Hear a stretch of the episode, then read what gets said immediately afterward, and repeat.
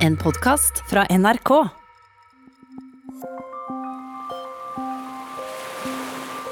«27 varmegrader og strålende solskinn i Dubai i dag, Tove. Uh, Sjustjerners hoteller og shopping i verdensklasse. Det frister litt med en liten luksusferie, kanskje? Ja, men samtidig så er det noen som gjør alt de kan for å komme seg vekk derfra. Den ene prinsessa etter den andre prøver å rømme fra den styrtrike sjeiken. I'm, I'm a hostage. Og de skildrer drømmedestinasjonen Dubai som et fengsel og et mareritt. The police threatened me that, that I'll be in prison my whole life and I'll never see the sun again. Er det noe som skurrer i sjeikdømmet? Du hører på Krig og fred med Tove Bjørgaas. Og Tore Moland.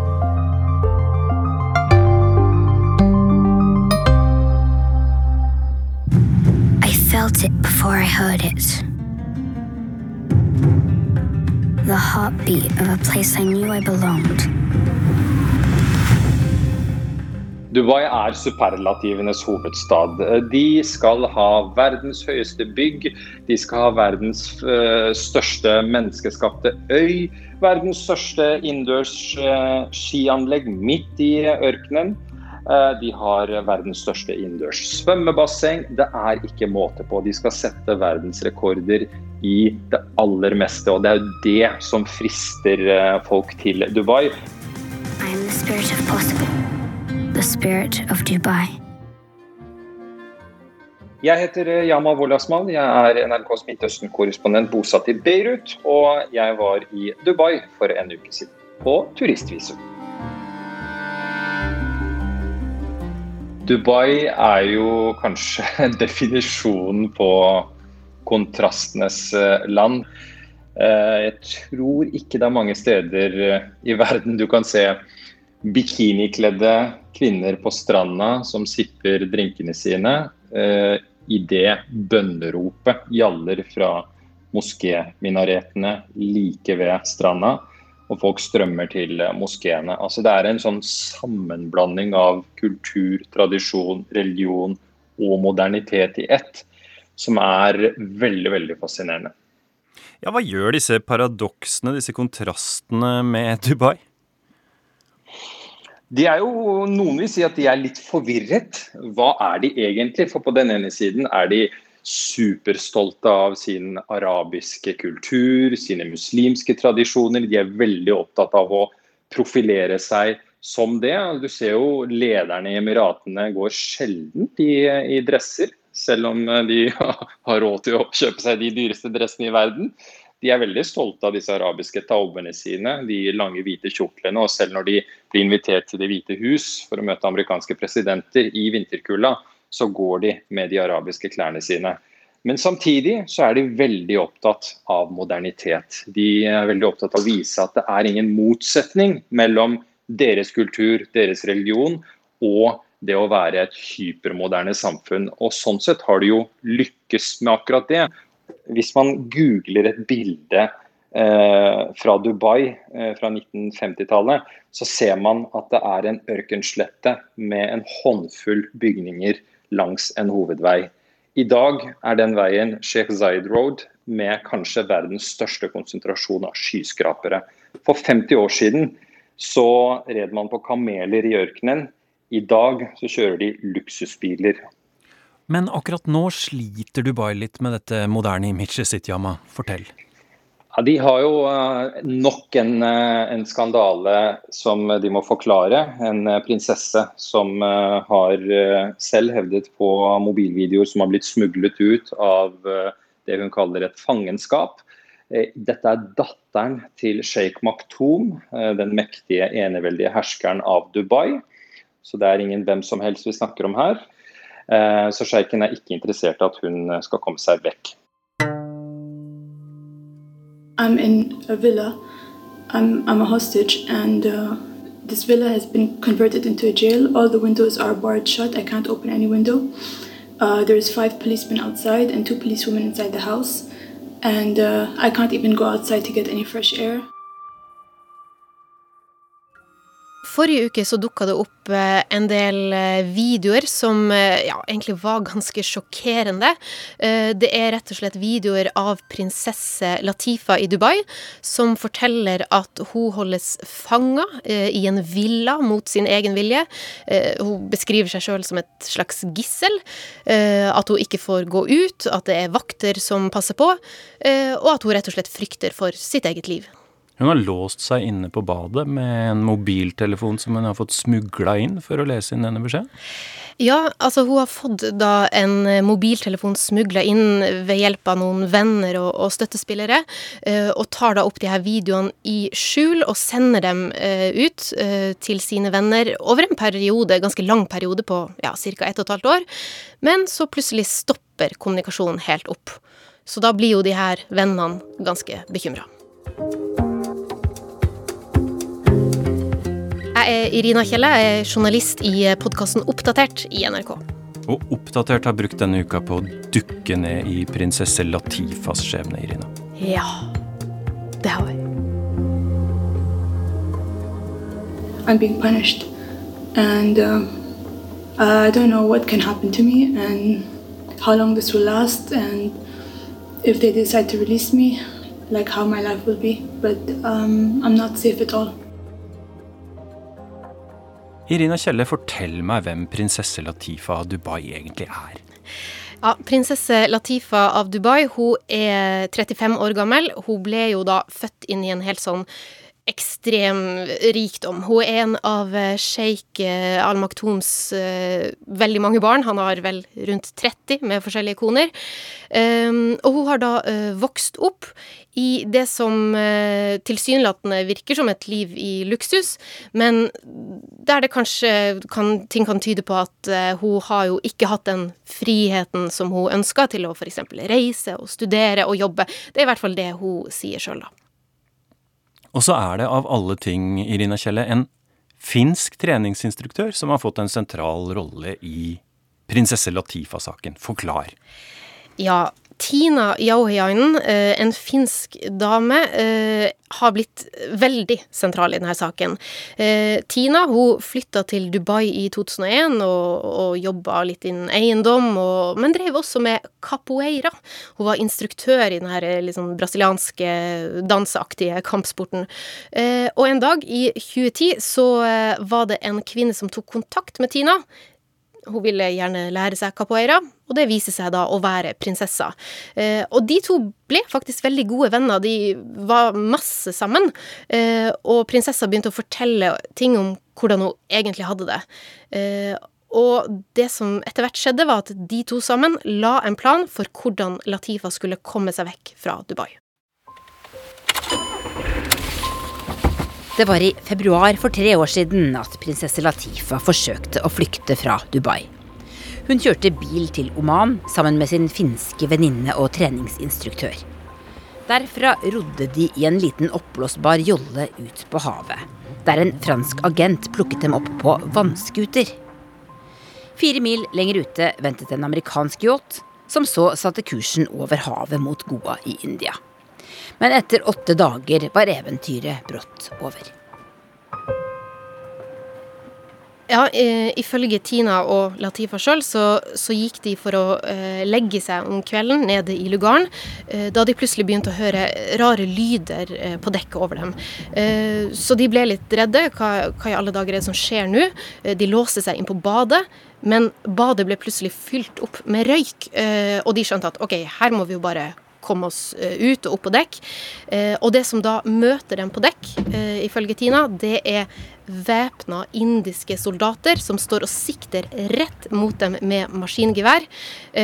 og de blir da kasta i bakken, de blir bindt fast, og de forsvinner etter hvert fra hverandre. She was trapped off the boat. Um, I couldn't do anything. Uh, she was kicking and screaming and and and telling them not to take her but she was completely ignored and that's the last time I've seen seen Latifa. Hva skjedde med Latifa etter det?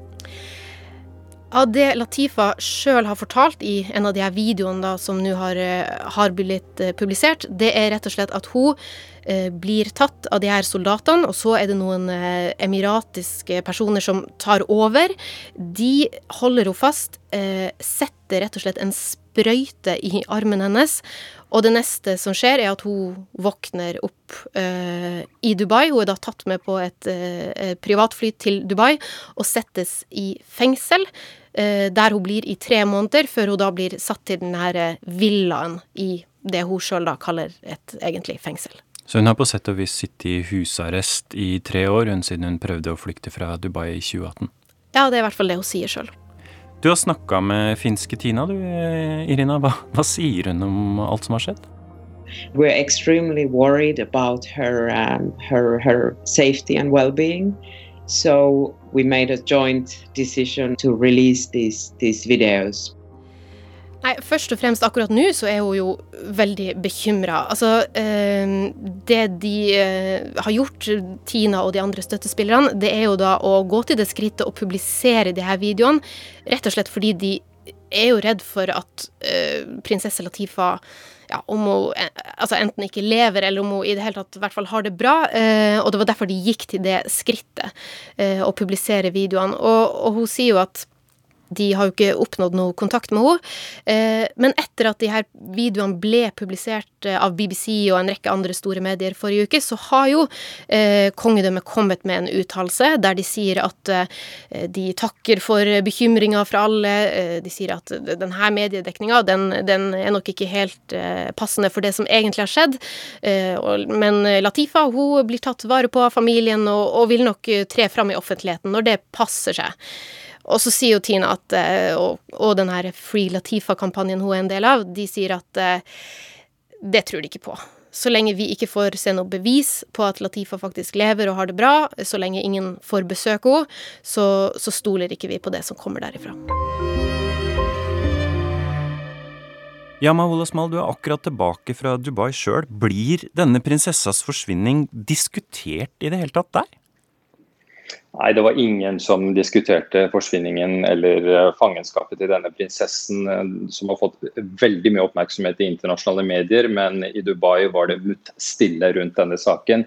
De eh, myndighetsstøttede mediene har ikke nevnt saken. og Jeg hadde jo en interessant opplevelse. Jeg var invitert hjem til en vestlig diplomat. og Det var en liten middag, en liten forsamling. og Der var det folk fra Australia, USA, Storbritannia. Altså høytstående mennesker fra dette expat-miljøet som er ganske stort i Dubai. Og så tok jeg opp eh, saken til denne prinsessen, og da var det en av eh, gjestene som sa på spøk jeg tror vi må sette telefonen på flymodus, for dette er touchy saker. Dette diskuterer vi ikke åpent her. Og så lo man det bort. Men det sier noe om debattklima i Emiratene. Selv folk fra vestlige land vet akkurat hvor de røde linjene går. og Man vet hva man skal uttale seg om, og hva man skal holde seg langt unna. Så dette skal man rett og slett ikke snakke om i Dubai? Dette snakkes ikke om i Dubai i det hele tatt.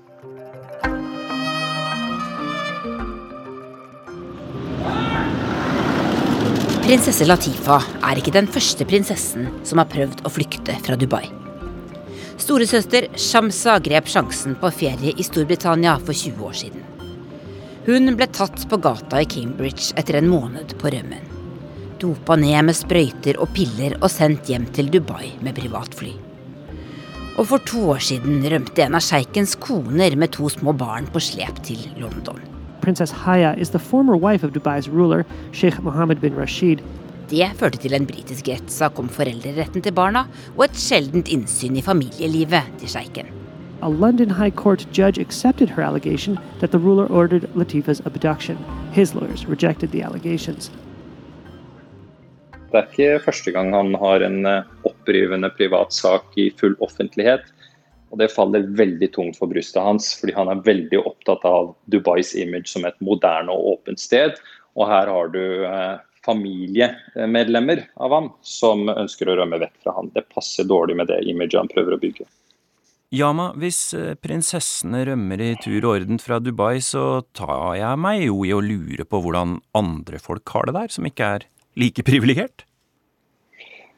Vet du hva, Det er et merkelig sted, disse emiratene. De har på den ene siden ingen demokrati, ingen ytringsfrihet, ikke noe pressefrihet. De har ikke lov til å organisere seg politisk. Eh, de har ikke engang lov til å kritisere ledelsen i landet. Det er den ene siden av Dubai. På den andre siden så har de bygd et land hvor folk blir tatt vare på fra vugge til grav. På mange måter som Norge, bare enda mer privilegert er emiraterne, de aller fleste av dem. Det bor litt over ni millioner mennesker der, men åtte millioner av dem er utenlandske gjestearbeidere. Så det er kun en lokal befolkning på én million mennesker som blir tatt veldig godt vare på av myndighetene. Det er gratis skole, de får helsestell ved noen av de beste sykehusene i verden. De har sponset høyere utdanning ved noen av de beste universitetene i verden. Og når de er ferdig med utdanningen sin, så kommer de tilbake til topp betalte jobber i private eller offentlige selskaper. Eh, og Det er jo en av grunnene til at man kanskje ikke har sett de store folkelige opprørene i eh, emiratiske gater. For folk flest, emirater, de lokale, har det ganske godt. Så det er en velferdsstat, men ikke en velferdsstat helt sånn som vi kjenner den? Det er ikke velferdsstat for alle. Det er definitivt ikke en velferdsstat for de millioner av gjestearbeiderne som bor i, uh, under kummerlige forhold. Så er Dubai ett av sju emirater, Yama. Hva er Emiratene egentlig? Emiratene er uh, en uh, forening, en union av sju bystater. Dubai er den mest kjente. Hovedstaden er Abu Dhabi. Det er de som sitter på pengesekken, det er de som har enorme olje- og gassressurser. Så Det er liksom den rike fetteren. Og så er det Dubai som er mest kjent i verden fordi de satser så tungt på turisme. I 2019, før hele pandemikrisen, ehm, så var det 16 millioner mennesker som besøkte Dubai. Og det er ingen andre steder på kloden hvor turister legger igjen så mye penger som i eh, Dubai. Og så har disse sju bystatene blitt enige om å styre det som heter De forente arabiske emirater, som er det formelle navnet. Så de har et råd hvor alle sjeikene fra de sju emiratene sitter og styrer eh, landets forhold. Men eh, det er uten tvil eh, Abu Dhabi og sjeikefamilien der som er den mektigste. De har både presidenten og, og øverstkommanderende for de væpnede styrkene. Welcome to Dubai. This is my grandfather's house. Dette er altså sjeiken prinsessene flykter fra. Mohammed bin Rashid al Maktoum. Han er emir av Dubai og både statsminister og visepresident i De forente arabiske emirater. My vision is to Dubai to be number one and happiest nation. Men bak ham lurer en enda mektigere sjeik. Mannen som bare kalles MBZ. He is one of the most powerful men on earth, and yet the ruler of the United Arab Emirates maintains a relatively low profile on the world stage. Mohammed bin Sayed. Kronprins av Abu Dhabi, et annet av de sju emiratene. I virkeligheten er det han som styrer emiratene nå. Fortell meg om MBZ, Yama. Det NBC ønsker, er å sette Emiratene på verdenskartet, og på mange måter har han klart det. Det er knapt en politisk prosess, en konflikt i Midtøsten og regionen her, hvor han ikke har en finger med i spillet. Han har ekstremt store ambisjoner for sitt land, politisk, økonomisk. Han er en veldig viktig alliert for mange vestlige, de fleste vestlige land. Han har uh, klippekort inn til verdens mektigste ledere, som tar han imot uh, med åpne armer. Eh, nylig eh, underskrev han en avtale med USA eh, om våpensalg til en verdi av over 200 milliarder kroner, som Trump godkjente to timer før han forlot Det hvite hus. Hvorfor har bitte lille, men da styrtrike Emiratene blitt en så viktig spiller i den arabiske verden, Yama? Du er inne på kjernen eh, der, eh, Tore. Det er i stor grad eh, velstanden deres som gjør at de er så mektige. De inngår gigantiske avtaler med vestlige land. Den type avtaler gir en form for immunitet mot kritikk. Du hører sjelden vestlige land kritisere emiratiske ledere. Samtidig må det sies at de er veldig store når det gjelder bistand. Så de fleste fattige muslimske land får jo millioner av dollar overført fra Emiratene. Og Derfor er de godt likt av veldig mange. Hvor skadelig er disse familieskandalene hos sjeikene i Dubai for eh, Emiratenes eh, forsøk på å markere seg internasjonalt, da, Yama? Jeg tror ikke det har så mye å si politisk, fordi de er som sagt såpass mektige at de fleste vestlige land ønsker å pleie et godt forhold til Emiratene.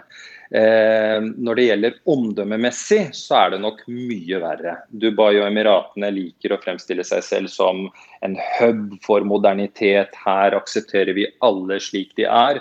Eh, og så hører vi om nære familiemedlemmer av sjeiken som sier at de holdes fanget under forferdelige forhold, det passer ikke akkurat inn med det imaget som de har brukt flerfoldige milliarder dollar på å bygge opp. Så Sånn sett er det en, en ganske stor ripe i lakken for Dubai.